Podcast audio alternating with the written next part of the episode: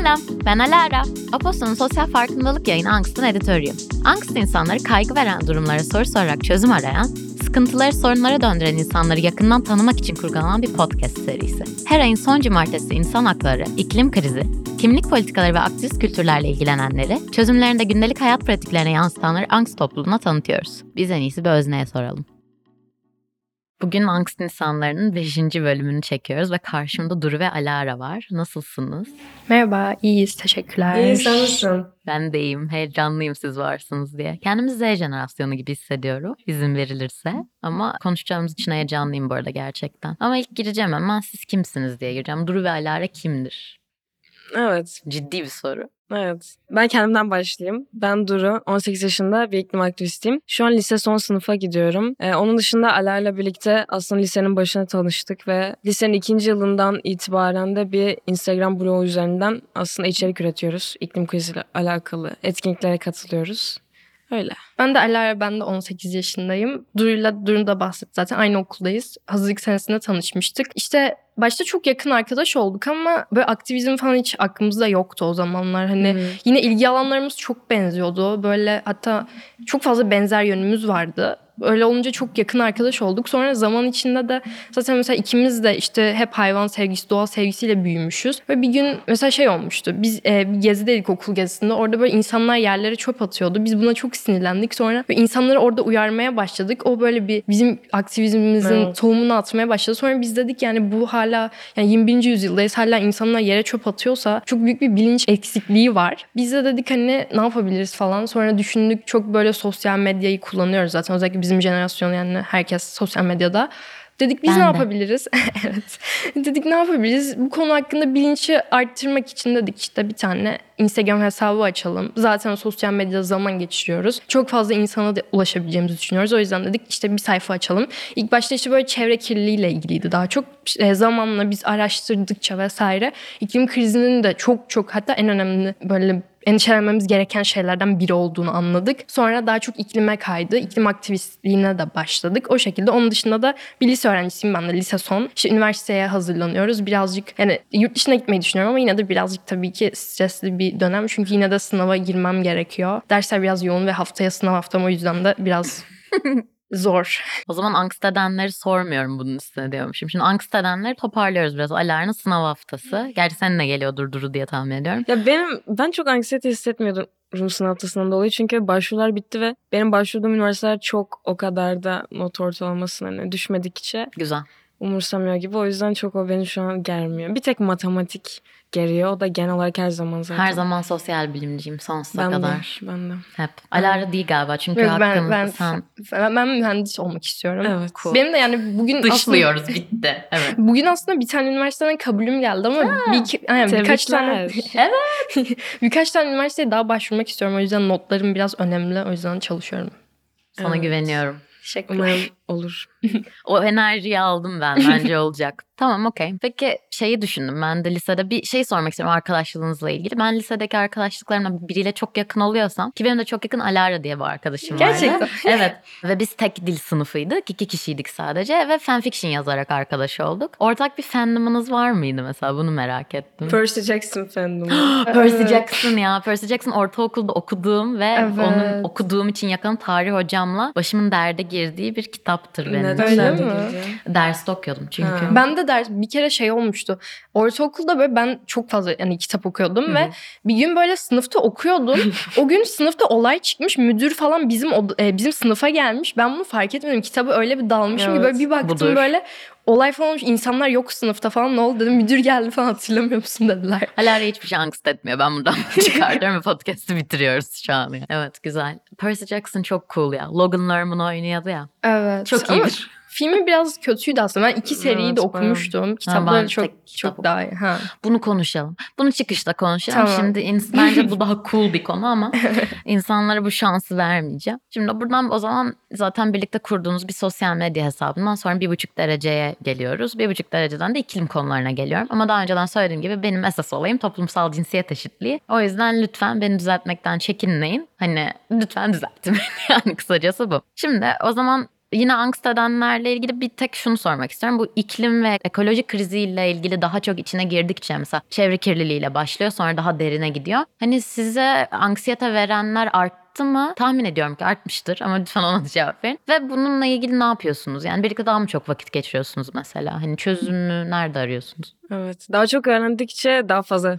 bana anksiyete veriyor. Bundan kurtulmak için de genelde şöyle yapıyorum. Bir şey yapabileceğim zamanları belirliyorum. İşte bu içerik üretmek olabilir. Bununla ilgili bir konuşma yapmak ve etkinliğe katılmak olabilir. Bunları belirliyorum yani ve o zaman diliminde bununla mücadele için bir şey yapıyorum. Gerek kalan zamanda da sürekli bununla ilgili düşünmüyorum. Çünkü yoksa gerçekten sürdürülebilir olmaz yani. Gerek kalan zamanda da kendime vakit ayırmaya çalışıyorum. İşte Alara'yla işte mesela sinemaya gidiyoruz veya bir müzeye gidiyoruz. Bir şeyler yapıyoruz yani. O zaman dağılımını ayarlamak bence önemli. Benim için çok değişkenlik gösteriyor. Bazen yani böyle bazen içim çok kararıyor böyle. Yani diyorum of yani her şeyden böyle umudu kesiyorum. Yani bizim aktivist olsak da her ne kadar bize de oluyor yani. Şahsen kendi adıma konuşuyorum Evet, yani. da. Ve o yüzden yani benim de yani tercih ettiğim yol genelde bakmamak oluyor böyle yani. Çünkü sürekli böyle bir kötü haber bombardımanı oluyor bazen. Hani çok insanın gerçekten içini karartıyor. Bazen böyle birazcık uzaklaşıyorum. işte bir kendime geliyorum. Sevdiğim şeyler yapıyorum falan. Sonra tabii yine geri dönüyorum. O şekilde. Peki gidiyor. mesela algoritmasal olarak nasıl etkiliyor? Şöyle demek istiyorum. Çünkü ben mesela çok fazla o tarz hesap takip ediyorum. Ben. Yani şey ve atıyorum bazen Instagram'da falan kafamı dağıtacakken o kadar çok onunla ilgili şey geliyor ki kafa dağıtacak alanım sosyal medya olmaktan çıkıyor ve çok yoruluyorum. O zaman unfollowlamaya başlıyorum. Tamam, yani ya da ne bileyim bir tane blog hesabı gibi bir şey açıp oradan takip ediyorum falan. Ama algoritmanın bir kere e, Evet. rezil olmuş olması kalıyor geriye yani. Gerçekten. Bir de şey diye bir şey var. Hani doom scroll öyle bir şey var ya. Ben onu bilmiyorum. Ee, böyle hani hep doomsday haberleriyle Hmm. yani böyle hani çok felaket işte mesela bizim için ekolojik felaketlerle dolu bir Instagram e, akışına maruz kalıyorsunuz ve kafanızı kaldıramıyorsunuz sürekli sürekli yıkıcı çok aşırı kötü haberler ve bu şeyden çıkamıyorsunuz yani bu paradoks gibi bir şey oluyor. Gerçekten bana da oluyor yani. Evet bu yıl özellikle o anlamda çok kötüydü yani. Nasıl çok ciddi yorumlar yapabiliyorum. Çok kötüydü falan. Tamam peki o zaman yine buradan daha böyle işte iklim krizinin belki fraktalları gibi düşüneceksek mesela işte kompostlama, sıfır atık, bu olayların politik ayağı, paydaşlarla konuşmak vesaire vesaire. Siz hangisiyle daha çok ilgileniyorsunuz şu an? Ya biz yani iklim aktivistliği yaptık. Yani aslında hem iklim hem çevre aktivistiyiz. Yani çünkü sadece iklimle ilgili değil mesela plastiklerle ilgili, kirlilikle ilgili vesaire atıkların fazlalığıyla ilgili de içerik hazırlıyoruz ve yani grevler düzenliyoruz ama iklimle böyle çevre şeyleri bazen çok bağdaşmıyor. Mesela atık sorunu Hmm. evet hani onun fosil yakıtlarla bir bağlantısı var ama daha çok iklime üzerinde durduğumuzda daha çok politik şeylerin aslında üzerinde duruyoruz. Çünkü onun çözümü politik oluyor. Yani sistemsel bir Hı hı. değişiklik oluyor. Bireysel olarak ne kadar hani yapabileceğimiz şey olsa da temelde çok büyük bir sistem değişikliği gerekiyor. O yüzden genelde politik yani gibi. Okay, benim iklim ve çevre arasındaki farkı bilmememe ne diyorsunuz peki? Ya bilmek değil de bence üstüne düşünmemişsindir herhalde. Çünkü işte mesela iklim aktivizmi işte daha çok fosil yakıtlardan çıkın. Hani yani yeni bir enerji geçirmesi lazım hani boyutu ve genel olarak tüm sektörlerin karbonsuz hale gelmesi. Çevre aktivizmi ise daha çok işte mesela atıyorum Türkiye'de bir sürü bildiğin gibi mesela son gelen bu zeytinliklerin Hı hı. madenciliğe açılmasıyla ilgili yönetmelikler gibi çevreyi tehlikeye atan yani ekosistemleri tehlikeye atan projelere karşı durmak. Ya zaten bu hani iklim aktivizminin o kadar aşırı aşırı e, birlikte durmayan bir şey değil zaten. Genelde ikisini yapan kişiler de aynı oluyor. Teşekkür ederim. Okey tamam. Çok heyecanlandım şu an diyeceğim diye. Tamam devam ediyorum. Şöyle şimdi demin okudum bunu size. O yüzden çok komik olacak tekrar okumak öyle geliyor ama. Şimdi pronounlarınızı sormadım. İsterseniz şu an sorayım. Ama şunu soracaktım. Şimdi kadın atandığınızı varsayarak bu iklim ve çevre sorunlarıyla ilgilenirken toplumsal cinsiyet eşitliği ya da kadın mücadelesi bunun neresinde duruyor? Yani bunun kesişim alanları nedir? Ya da siz bunu hayatınızda nasıl kesiştiriyorsunuz? Ya iklim krizinin çok büyük bir sosyal boyutu var. Yani bizim eskiden hatta bir grevimizin teması buydu. İklim adaleti sosyal adalettir diye. Toplumsal cinsiyet eşitliği de bir sosyal sorun. Yani olmaması. Yani aynı şekilde iklim adaletinin olmaması da toplumsal bir sorun. Çünkü toplumun farklı kesimlerindeki insanlar çok daha farklı şekillerde etkileniyor. Bundan istiyorsan sen birazdan bahsedebilirsin. Ben kadınlarla olan kesimine değinmek istiyorum. Mesela özellikle dünya dünya çapında genelde kadınların aile içindeki, aile dinamiğindeki rolü işte hani herkesi toparlamak, işte çocuklarıyla ilgilenmek, işte ailenin böyle bir toparlayıcısı rolünde oynuyor Domestik. genelde. Aynen öyle. Ve o yüzden hani özellikle iklim krizinin mesela yıkıcı etkileri, işte aşırı hava olayları, bu tarz sorunlarda kadınlar aslında daha çok etkilendiği söyleniyor. Çünkü aileyi bir arada tutmaya çalışıyorlar. Herkesin herkes ilgilenmeye çalışıyorlar. Kadınların etkilenme boyutu erkeklerinkine kıyasla biraz daha yüksek. Bu da zaten hani toplumda bir kadın erkek eşitsizliği var. İklim krizi bunu da aslında şiddetlendiriyor diyebiliriz.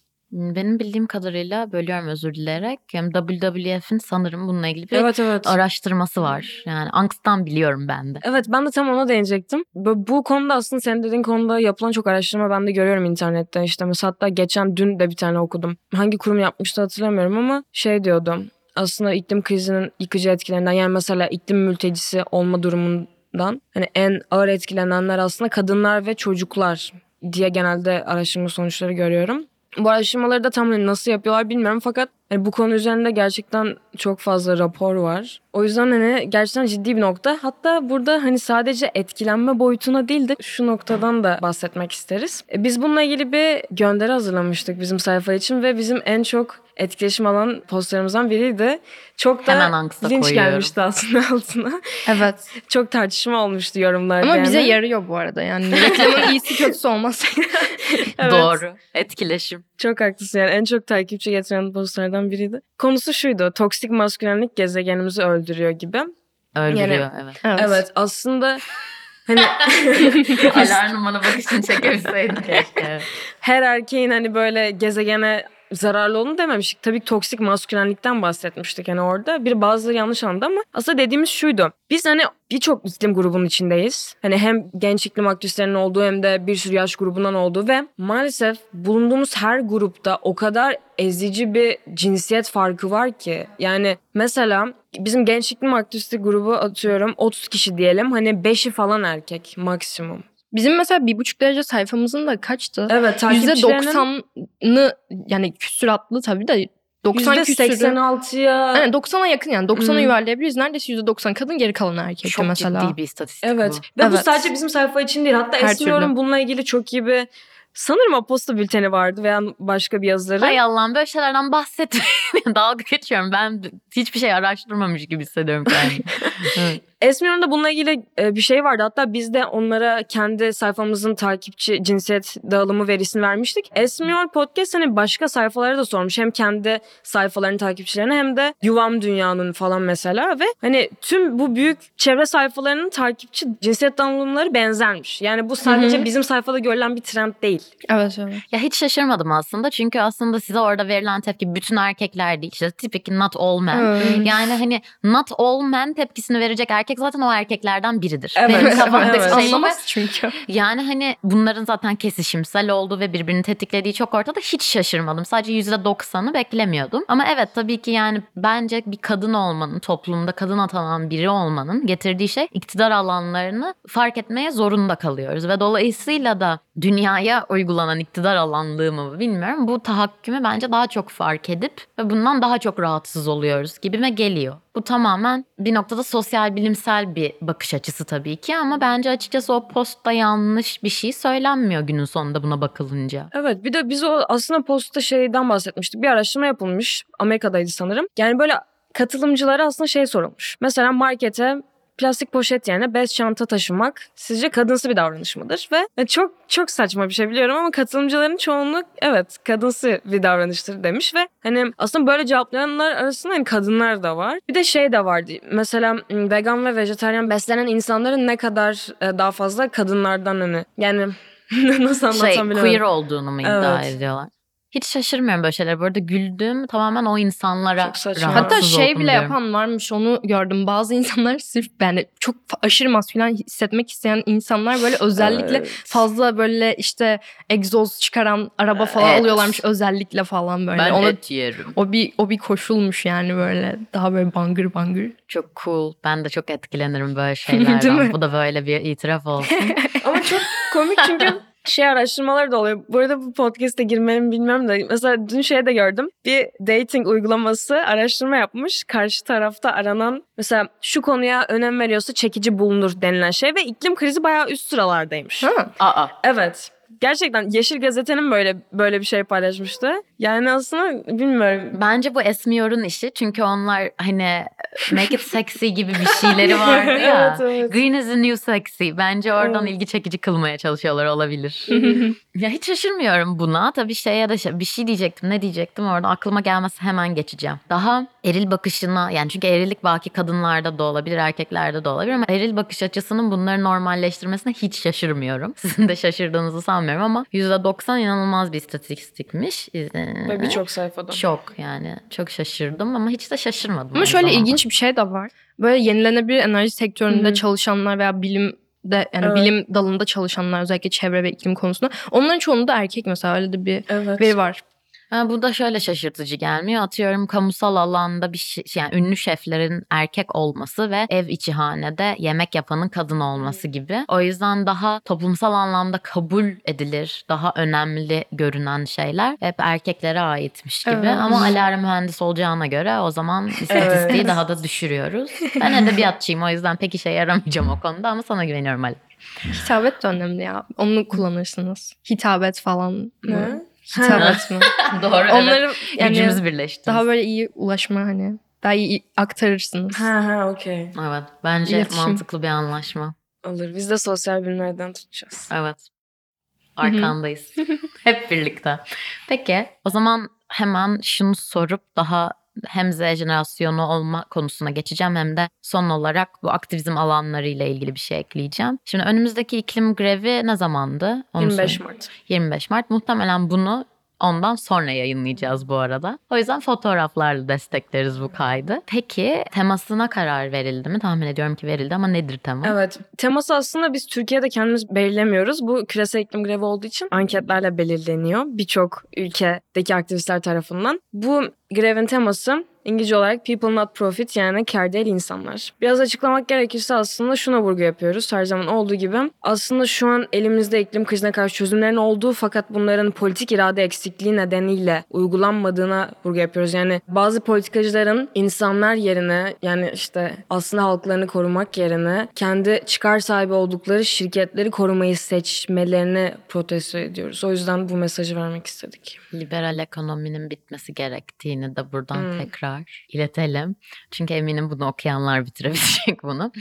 O zaman yeşil aklama ile ilgili soruyu çıkarmıyorum. Ben çıkartacaktım çıkarmıyorum. Alakalı olur. Tabii ki değil mi? Yani temaya uyuyor. Benim mesela en yani genel iklim spektrumunda diyeyim en ilgimi çeken şey yeşil aklama. Onun da tahminen söylemler ve iletişimsel bir yerden yaptıklarını fark etmem. Bunu da ilk önce Apostol'u çalışmadan önce çok da sevmediğim bir yerde çalışıyordum ve orada markaların kendi aralarında birbirlerine yeşil iletişim yapalım buna dediği ve hiçbir şekilde hani yeşil Olmayan. arkadaş canlısı e, şeylerin ötesinde toplumsal cinsiyet eşitliğine de hiçbir şekilde uymayan şeyler yapması ve buna yeşil iletişim demesi bana çok korkunç gelmiş. Yani inanılmaz distopik, korkunç bir şey. Yani o zaman temalardan birinde yeşil aklama da geçiyor. Greenwashing. Tabii. ya şey ya böyle işte çevrecilik, yeşil bunlar böyle bir trend oldu gibi bir şey. Yani e, Hı. o yüzden hani bunu yine kar etmek isteyenler kar etme aracı olarak kullanıyorlar. Değişen bir şey olmuyor aslında. Yeşil ekonomi. Hmm. Evet. Peki mesela aklıma şey geliyor. Ben bazen bu aslında aklımda yoktu şu an aklıma geldi o yüzden çok mutluyum. Ben bazen mesela H&M'de hani sweatshoplar mıydı? Sweat bir şeyler. Neyse. Burada yani şöyle mesela feminist yazan H&M'de bir tane tişört çıkıyor ve tabii ki burada kadınlar exploit ediliyor. Çünkü hiçbir şekilde kazandığı para o tişörtün şeyine bile denk gelmiyor. Neyse demek istediğim şey şu bazen ama çok beyaz bir yerden ve çok ayrıcalıklı bir yerden şöyle bir argüman savunulabiliyor. Yani en azından bir görünürlük sağlanıyor. Peki sizce hiçbir şekilde greenwashing yapan herhangi bir marka ya da bir kuruluş buna yardımcı oluyor mudur? Bence olmuyor çünkü yaptıkları bir şey yok aslında. Hani yapıyormuş gibi davranıyorlar. Yani mesela H&M bir tane conscious koleksiyon çıkarınca hani sürdürülebilir. Geri kalan koleksiyonların %99'u yine fast fashion olunca aslında hani hiçbir şey değişmiyor ki zaten o çıkardıkları sürdürülebilir koleksiyona ne kadar sürdürülebilir tartışılır. Yani aslında şey yapmış oluyorlar hani biz bir şey yapıyormuşuz gibi gösterip yapmıyorlar ki bence bunun da iyi bir tarafı yok. Sadece hani şey oluyor işte diğer markalar da Aa, biz de böyle bir şey yapalım diyorlar ama onların yaptıkları şey de aslında gerçekten bir şey değil. Sadece, Sadece tüket- tüket- sadece tüketicinin aslında böyle Evet. vicdanı rahatlıyor. O kadar. Kesinlikle. Yoksa tüketmeye devam ediyor yani. Ve bizim Evet. bir sloganımız var. Sen tükettikçe gezegenin Yes. tükeniyor diye. O yüzden tüketim yani kesinlikle bizim her zaman dediğim şey. Burada da söylemiş olalım. ihtiyacınız yoksa almayın hiçbir şeyi. Bu Bunu kadar. Yapabileceğiniz en sürdürülebilir şey bu yani. Bunu yapabiliyor musunuz kendi hayatınızda? Ben Ben- yapamıyorum. Yani evet. Ben yapıyorum ya. Zaten de çok yapıyorum. pahalı her şey. Evet o bir Orası gerçek. zor olmuyor. İki sene öncesine de yapamam. Evet. Ha bir de mesela greenwashing'in aslında bir sürü tipi var bence. Mesela bazen işte markalar satışlarını arttırmak için kullanıyorlar. Bazen de fosil yakıt şirketleri çok yapmaya başladı. Aslında onların hani daha sürdürülebilir hale gelme şansları pek yok. Çünkü direkt aslında fosil yakıt çıkarmayı durdurmaları lazım. Hani başka yapılabilecek bir şey yok. Hani tabii ki bir anda durduramayacaklar ama hani bir noktada durması lazım sonuçta. Onu yani yerinin altında bırakmamız lazım. O yüzden de hani suçu kendilerinden çekip bireylere atmaya çalışıyorlar mesela. Bu da greenwashing'e giriyor. Mesela BP'nin e, 2000'lerin Tam ondan bahsedecektim. başında evet aklımı okudum.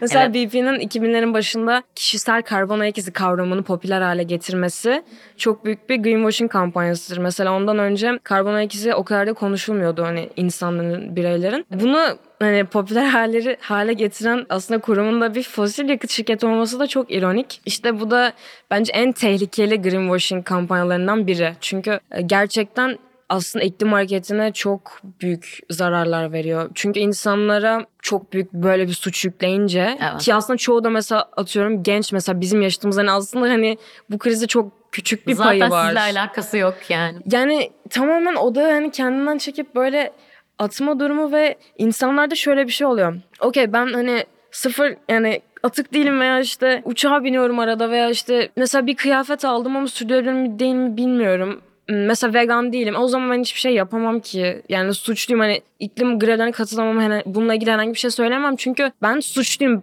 Ee, işte günah ne denir yani? Günahkar. günahkar falan.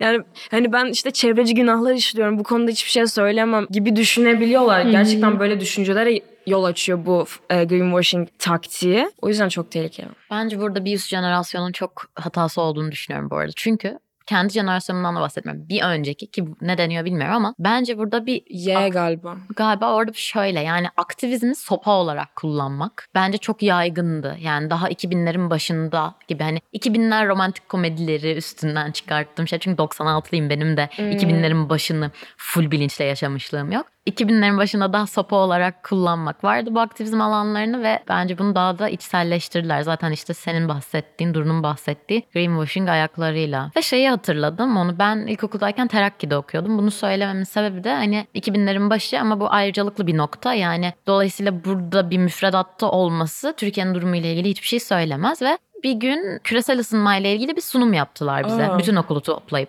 Yani ya ikinci sınıftayım, üçüncü sınıftayım. Hatta buraya gelirken senesini düşündüm size söyleyeyim diye. Yani Hmm. 2003 ya da 4 olması lazım ve bize Bizim Şu- doğduğumuz yıl bu arada. ya harika. Çok cool'um size takıldığım için bence.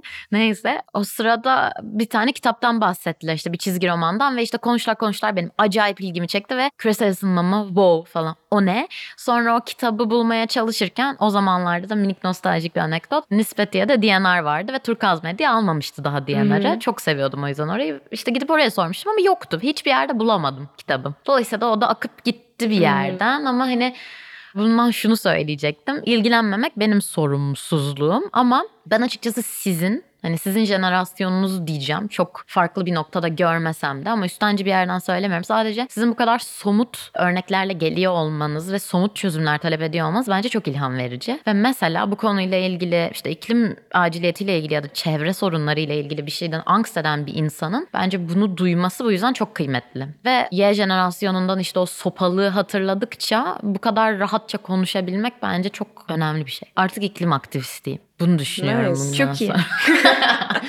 Umarım. Zaten iklim aktivisti olmak ona da değinelim. Böyle Evet. illa böyle her gün işte her cuma falan pankartla böyle dışarı çıkmanıza gerek yok yani. Her ne kadar bu bilinci yaymaya uğraşırsanız yani o yeterli olur. O da bir aktivizm sonuçta. Hani aktivizmin belli bir kalıbı yok. Buraya sizi Yaptığınız şeye uydurabilirsiniz yani. Aktivizm olur mu? Evet. İklim aktivisti. Çünkü biz sonuçta bir, bir şey Olur yaymaya bence. çalışıyoruz ve siz de buna ar- aracı Ya zaten oluyorsunuz. bu yaptığın podcast bence bayağı aktivizm hani. Evet. Kendimi çok özel hissediyorum. Anst yani çok iyi. Evet. Aa. Ya. Duru ve Alara çok cool iki insan. Onları çok sevdim. Benim fotoğraf Sen de. çekiyordu. İçeri gittim dedim ki Duru ve Alara'ya bayıldım falan. Biz de Biz de biz de. Aa. tamam devam ediyorum bölmeyin. Zamanımız az kaldı sinir bozuldu daha konuşmak istiyorum. Neyse bugün uzatacağım biraz. Z jenerasyonu olmaya geliyorum. Şimdi ben şöyle başlayayım. Bir kere kesişimsel feminist bir insan olarak illa bir öznelikten bahsetmem gerektiğini düşünüyorum. Ben kendimden zillennial olarak bahsediyorum. Çünkü Z jenerasyonunun somut örnek arayışına ve işte bana karşı yapılan social justice warrior mimlerine karşı böyle bir şeyle yakın görüyorum ama 96'lıyım ve tam ortası o yüzden millenyumu da katıyorum. Çünkü 2000'lerin başına bayılıyorum bunu da kabul edelim. Bir de sizin kadar somut şey aramaya o kadar erken başlamadım. Ben şeyi merak ediyorum. Sürekli bir Z jenerasyonundan bahsedilmesi size nasıl hissettiriyor? Çünkü bize de kristal çocuk diyorlardı ama bu kadar bahsedilmiyordu bunlardan. Hakikaten hatırlıyorum Kristal bunu. çocuk mu? Evet biz kristal çocuktuk. O ne ya? Bilmiyorum. Bilmiyorum. Bilinç seviyesi yüksek. Ya Z jenerasyonu kadar cool değil. Ya ama nasıl hissettiriyor bu size yani? Çünkü sürekli bu ben üstten bir şekilde Z jenerasyonu şöyle. Z jenerasyonu şunu yapacak falan. Ya bizim jenerasyon yani biz hepimiz sosyal medya ve internet üzerinden büyüdük. Yani tabii ki sizin zamanınızda da yani sizin de senin demeyeyim sen tabii bizdensin de. Oley.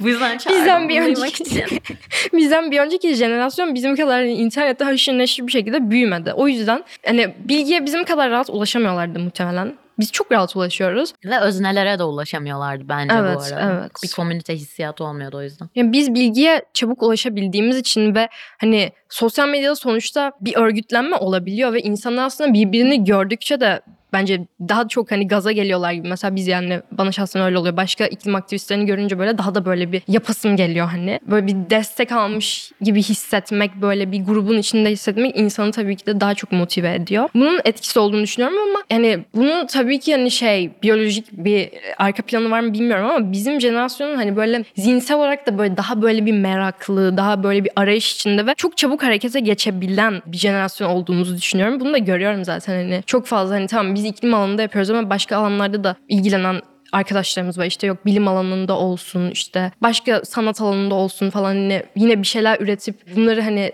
hemen harekete geçirebilen kişiler oluyor. Hani daha böyle ne istediğini bilen, araştıran ve istediğini de talep etmesini de bilen bir Evet, jenerasyon olduğumuzu düşünüyorum ben. Ve ama böyle de olması lazım. Çünkü eğer biz böyle olmazsak yani hiçbir şekilde değişim olmayacak zaten. Talep etmekten korkmak çok rahatsız edici. Ben en çok feminist mücadelemde bunu fark ediyorum. Yani talep etme, makul olmak zorunda hissetmek. Hani mesela bu konularda sıkıcı konular ya tırnak içinde tabii ki. Aa ne diyeceğimi de hatırladım buradan. Seni çok bölmeden Duru hemen onu şunu söyleyeceğim. South Park'ın çok popüler olduğu dönemlere siz denk geldiniz mi? Benim ablam izliyordu ama sen izleyemezsin yaşın küçük diyordu. İyi ki izlememişsin. Çünkü ben şöyle bunun da bir Reddit postundan okumuştum. South Park'ın bence benim işte jenerasyonu millennial olarak düşüneceğimiz jenerasyona kattığı şey bir şey umursamanın havalı olmadığı, hiçbir şeyi umursamamanın politik olduğunu veren bir alt metni olduğunu ve bunu normalleştirdiğini düşünen bir yazıydı ve ben buna çok katılıyorum. Hmm. Çünkü bunlara sıkıcılık atfedilmesi bence buradan geliyor. O yüzden buradaki Z jenerasyonun bence en büyük farkı eyleme geçiyor olması. Dur lütfen devam et. Şimdi bunu söyleyecektim. Evet. Ya ben onu çok izleyemedim ama olabilir. Evet öyle mesaj veren zaten çok şey var yani internet üzerinde.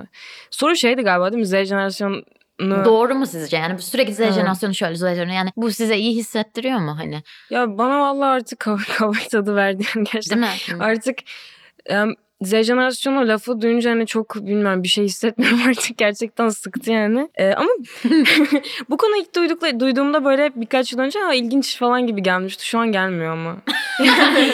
Surat ifadenin değişimi çok değişik. Gülerken bir anda ciddileşti. Yani böyle jenerasyon araştırmaları ilk başta ilginç gibi gelmişti. Hani wow, biraz daha bakayım bu konuya falan demiştim ama sonra çok genelleyici geldi ve hani ne kadar doğru gerçekten bilemedim. Çünkü gerçekten her jenerasyonun içinden o kadar hani hem sosyoekonomik durumlara bağlı hem yaşadığı yere bağlı o kadar farklı ki gerçekten insanlar yani bilmiyorum hani bir nesli genel olarak bu kadar şöyle özellikleri vardır diye genelmek doğru mudur diye bilemedim yani o yüzden. Yani bazı olaylar ama etkiliyor. Yani o dönemde mesela yaşanan büyük bir olay. Tabii ki etkiler de. Mesela yani şu an vermek doğru mu bilmiyorum da 11 Eylül da- zamanında Hı. doğan insanlarda mesela veya hani o zamanlarda hani annesinin karnında o zaman annesi hamile olanlarda falan böyle ortak görülen başka şeyler oluyormuş. Sanırım stres seviyeleri falan. Yani Böyle şeyler de var aslında dış Ben etkenler falan da. izledim. Tabii ki bu arada yani şöyle yani mesela sosyoekonomik kesinlikle etkenler var. Bir sürü bağlam var içinde açmamız gereken. Ama aynı zamanda galiba bu kadar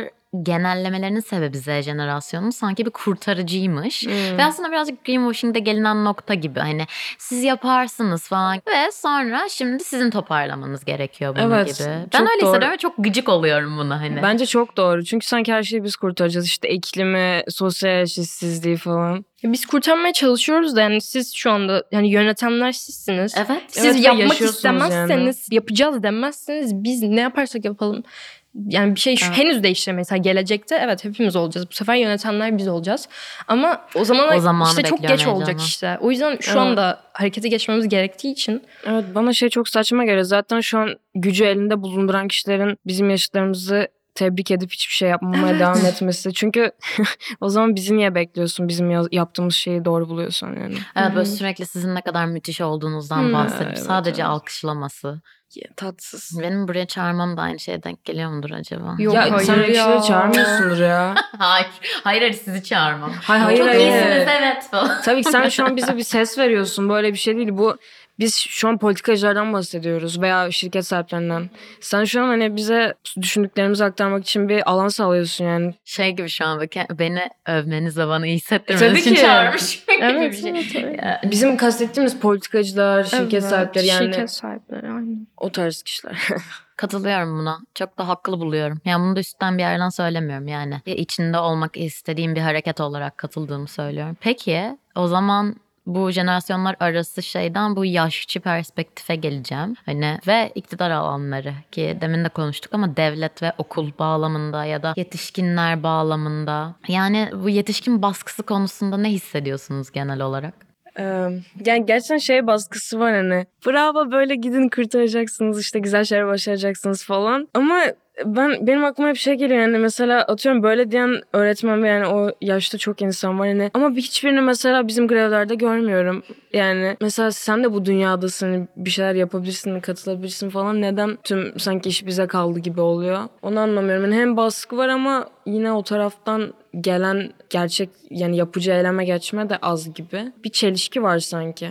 Evet kendileri böyle mesela hani tam biz grev yapıyoruz ama onlara belki çok değişik bir şey gibi geliyor. Kendilerini orada göremiyorlar belki de ama aslında değil yani. Bir de şeye değinmek istiyorum. Bu biraz alakasız olabilir de. Şöyle bir şey var. Aktivist olan kişi ne kadar küçükse böyle o kadar Aa. böyle tebrik ediyor. Aa çok Evet, tatlısınız evet. falan. Evet, evet, Hatta evet. özellikle gibi. hatta özellikle kendini küçük göstermeye çalışan aktivistler var. Burada da Ne? söylemiş olayım. Evet. Söyleyeyim Çok mi mantıklı bilmiyorum. bu arada. Bir tane- Söyle tabii ki. Birkaç aktivist. Yani isim vermek Tabii istemiyorsan verme bu arada yani da. Birkaç yıldır aynı yaşta olduğunu iddia eden insanlar falan var Hayır yani. kapanınca isim soracağım bu bir. İkincisi hiç şaşırmadım. Çünkü ben bu bir artık kariyer yolu gibi davranılıyor buna. Yani böyle daha marjinal oluyorsun galiba daha küçük olunca. Sonra herkes Aa işte 15 yaşındaki aktivist, 16 yaşındaki aktivist falan diye. Yani o da beni çok rahatsız ediyor. Hani küçük olunca böyle aa bu yaşta bununla ilgileniyor. Ne kadar güzel. Tebrik ediyorum diyorlar. Bu kadar hani bunun ötesine gitmiyorlar. O benim çok sinirimi bozuyor yani. Evet. Hani o kadar küçük yaşta olması nasıl? Çünkü genelde hani birinin etkileme faktörü de çok oluyor. Çok görmüyoruz ama Tabii ki. kendi düşünebildiği yaşta kendi başına bir şeyler yapması bence daha değerli. Yani bizim yani bunun 10 yıl arada 10 minik 10 yıllık bir fark var hani onun için söylüyorum. Bir, açıkçası ben ilk kendi queer feminist aktivizm alanına tabii ki o zaman queer feminizm demiyordum. Bilmiyordum. Sadece hani içgüdüsel olarak ilgilenmeye başladığım noktada ki ilkokulun sonlarına denk geliyor. Bence tüket yani okuduğum şeylerle çok alakalı tabii Hı hı. ki ama kendi queerliğimi fark etmemin üstünden bahsediyorum. O zamanlar ah bu yaşlarda bunlarla ilgilenmen ne kadar güzel denmiyor ama belki olayın tabii ki iklim ve cinsiyet farkı Hı. illa vardır. Bu daha uzun başka bir zamanın konusu büyük ihtimalle. Peki bu devlet ve okul ikilisinden şeyi düşünüyorum. Mesela yürüyüşlere bazen e, belli otoriteler izin vermiyor. Hı hı. Tamam bu zaten Çok- klişe. çoğu Evet, zaman. evet. Klişe dediğim çok olduğu için bu arada Evet. tabii ki Evet, konuşulması gerek. Ama mesela okulun engellemeye çalıştığı hiçbir şey oluyor mu? Ben okulları public enemy olarak gördüğüm için. Ya bizim okul çok katı bir okul yani biz katı bir okula gidiyoruz.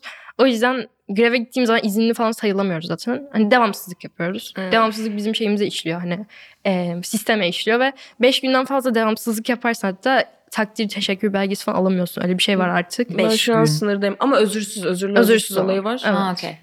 Yani dilekçe yazınca falan özürlü sayılabiliyorsun Velinin da. tarafından yazılması mı gerekiyor? Ya ben- Orada öyleydi. Kendin yazıyorsun işte. Koşullar nasıl gerektirirse. evet ama ben şey yani bu açıdan şanslıyız bu arada. Yani evet okul katı devamsızlık konusunda ve genel olarak ama hani aslında okulun kendisi destekliyor. Çünkü özel ve yabancı bir okul ve hani Hı hı.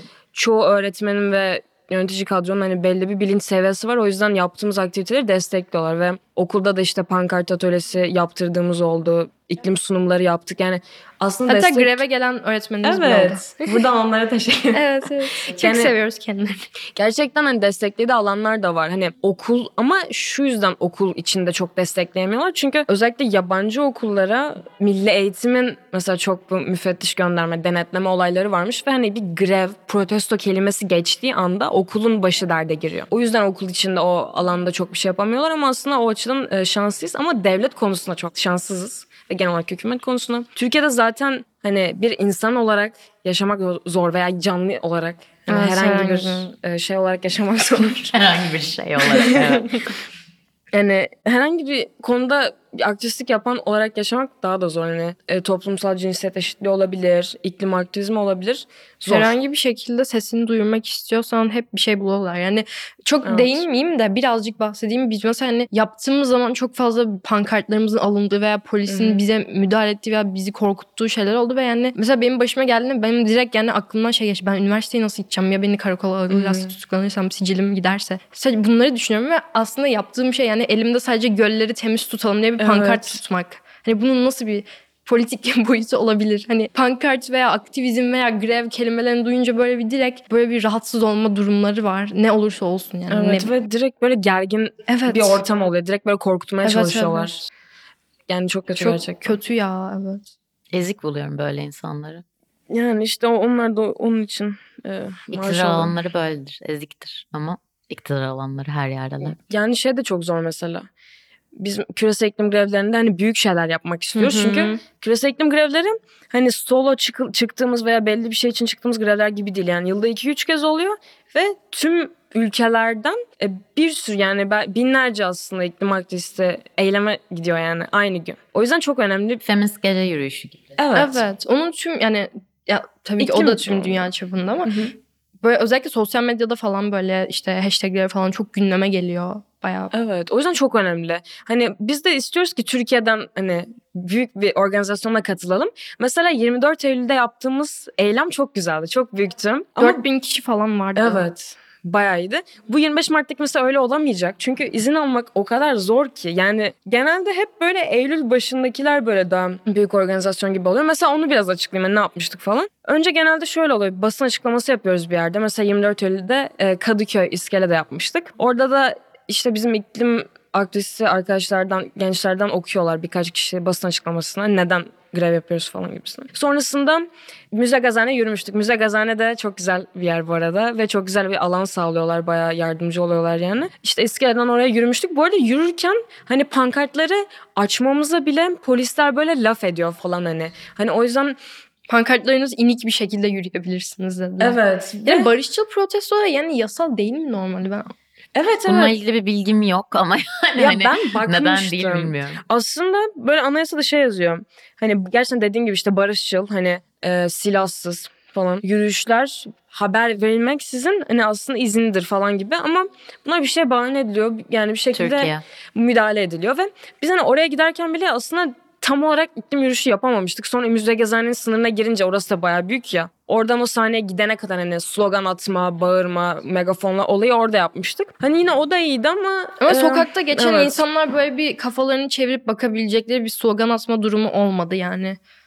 Anladım. Bizim amacımız sokaktaki hani Bir alakasız insanları sunmak, evet tabii. hani alakası olmayan belki de daha önceden iklim krizini böyle hiç duymamış veya duymuş ama umursamamış insanların da aa bu neymiş falan diye bir bakmaları zaten aktivizmin hani sokaktaki yaptığımız grevlerin aslında zaten en keyifli yönü bu. Evet. Onların akıllarına girmek bir şekilde ama yani yapmamız zor oluyor bu koşullarda. Hatta yani ya yürüyüşü geçtim. Mesela pankartla bir yerde mesela işlek bir yerde oturduğumuzda bile Hı. kaldırmaya çalışıyorlar. Olay çıkması. Evet evet bir anda kaçmasın. bir anda bir sivil polis geliyor ne yapıyorsun sen Evet. burada falan bizim başımıza geldi. Yani sonra Çok pankartını alıyorlar ne yapıyorsun sen falan. Çok kötü. Ee, yani Abi bandırmadaki olayı anlatsak mı ya? Bilmiyorum. Çok Olur. az zamanımız kaldı. Öyle mi? Evet özür dilerim ama e, çok Sonra uzun bir anlat. olay mı? Yo yani zaten anlat. bahsetmiştim. Hı. Ya mesela yani bir projeye gitmiştik. Yabancı insanlar da vardı. Teması işte gölleri korumaktı. Manyas Gölü'nü Erasmus koruyalım. projesi. Manyas Gölü'nü koruyalım. Hepimiz böyle afişler yaptık. Herkes kendi dilinde bir şeyler yazdı. Orada bir meydan vardı. İşte gölleri temiz tutalım. Manyas Gölü hepimizin falan bir şeyler yazıyor. Sonra yanımıza polis geldi böyle. Garip garip bakışlar attı böyle. Siz işte neden bunu yapıyorsunuz hani izin aldınız mı falan. Projenin de koordinatörü biz değildik tabii başka biri. Biz de izin aldığımı bilmiyorduk. Yani hayır falan dedik hani o yüzden. İşte sonra götürmek falan istedi yani bizi. sonra Evet, proje sonra koordinatörü proje koordinatörüyle geldi. geldi. İzin aldıkları ortaya çıktı ama yine de yapamazsınız falan bir şeyler dediler. Çok saçma. Hani bir de fosil yakıt da demiyoruz. Hani fosil en azından ne bileyim politik işte boyutu olan bir şey. Yani sonuçta onları fonluyorlar falan hani. O öyle algılanabilir de yani gölü temiz tutmak bunun ne zararı olabilir size? Onlar zaten fosil yakıt ne demek onu bile bilmiyordur bence. Bence genel olarak orada bir işte baş kaldırı olması Hı hı. tırnak içinde. Ona baş kaldırıya temsilden bu kadar korkmak çok komik ama Evet. şaşırtıcı da gelmiyor. Yani bize. 24 Her şeyden çok- Eylül'de gerçekten bir grup gençtik ve bir grup genç için yani bir otobüs polis gelmişti yani orada duruyorlardı. Yani gerçekten komik. Ya bu şuradan çok rahatsız edici buluyorum bunu açıkçası. Yani feminist gece yürüyüşü ya da Pride gibi etkinlik denmez. Yürüyüşleri düşündüğüm zaman orada da tabii ki bir zulüm ve iktidar alanı uygulanması var ama aynı zamanda da mesela bu iklim grevini çok daha genç yaştaki insanlara atfedip ondan sonra da sizin sesinizi çıkarmanıza ekstra izin verilmemesi ve sizinle birlikte yani yürütülmesi vesaire bence bu çok yaşlı ve inanılmaz derecede çifte standarda denk geliyor. Yani onlar da engelleniyor. Onlara da bir tepki veriliyor. Evet tabii ki bunun farkındayız. Burası Türkiye ama ekstra bir durum da var burada bence iki kat ve bu çocuksu gösterme şiddeti gibi bir şey. Çünkü toplumdaki çocuk algısının düşünemeyen ve illa güdülmesi gereken bir şey olduğu için bunu söylüyorum. Çok güzel bir konuydu ama son soruma geleceğim şimdi. Ah be. Hmm, evet. Ben devam etmek isterim ama sonra kayıt var işte. Peki e, hakkım var dediğiniz şey ne o zaman? Ee, Düşünüyorum. yaşanabilir bir geleceğe Aynen, hakkım var. aynen, ben de onu Çok mu düşünüyordum. klişe bu ya? Hayır hiçbir şey klişe değildir o kadar. Ger- yani yaşanabilir bir gelecek var mı? Şu an teminatı veriliyor ama hayır. Dolayısıyla Yaşanabilir klişe bir gelecek yani. istemeye hakkım var ve bunun için bir şeyler yapmayanları sorumlu tutma hakkım da var. Yaşanabilir bir gelecek talep etme hakkım var budur. Katılıyorum. Artı bir. O zaman kapatıyoruz. Tamam. Teşekkür ederim geldiğiniz teşekkür için. Teşekkür ederiz. Kolay gelsin. Harika bir evet. podcast ve bütçem. Çok severek takip ediyoruz. Öyle. Herkes duyduysa kapatıyorum.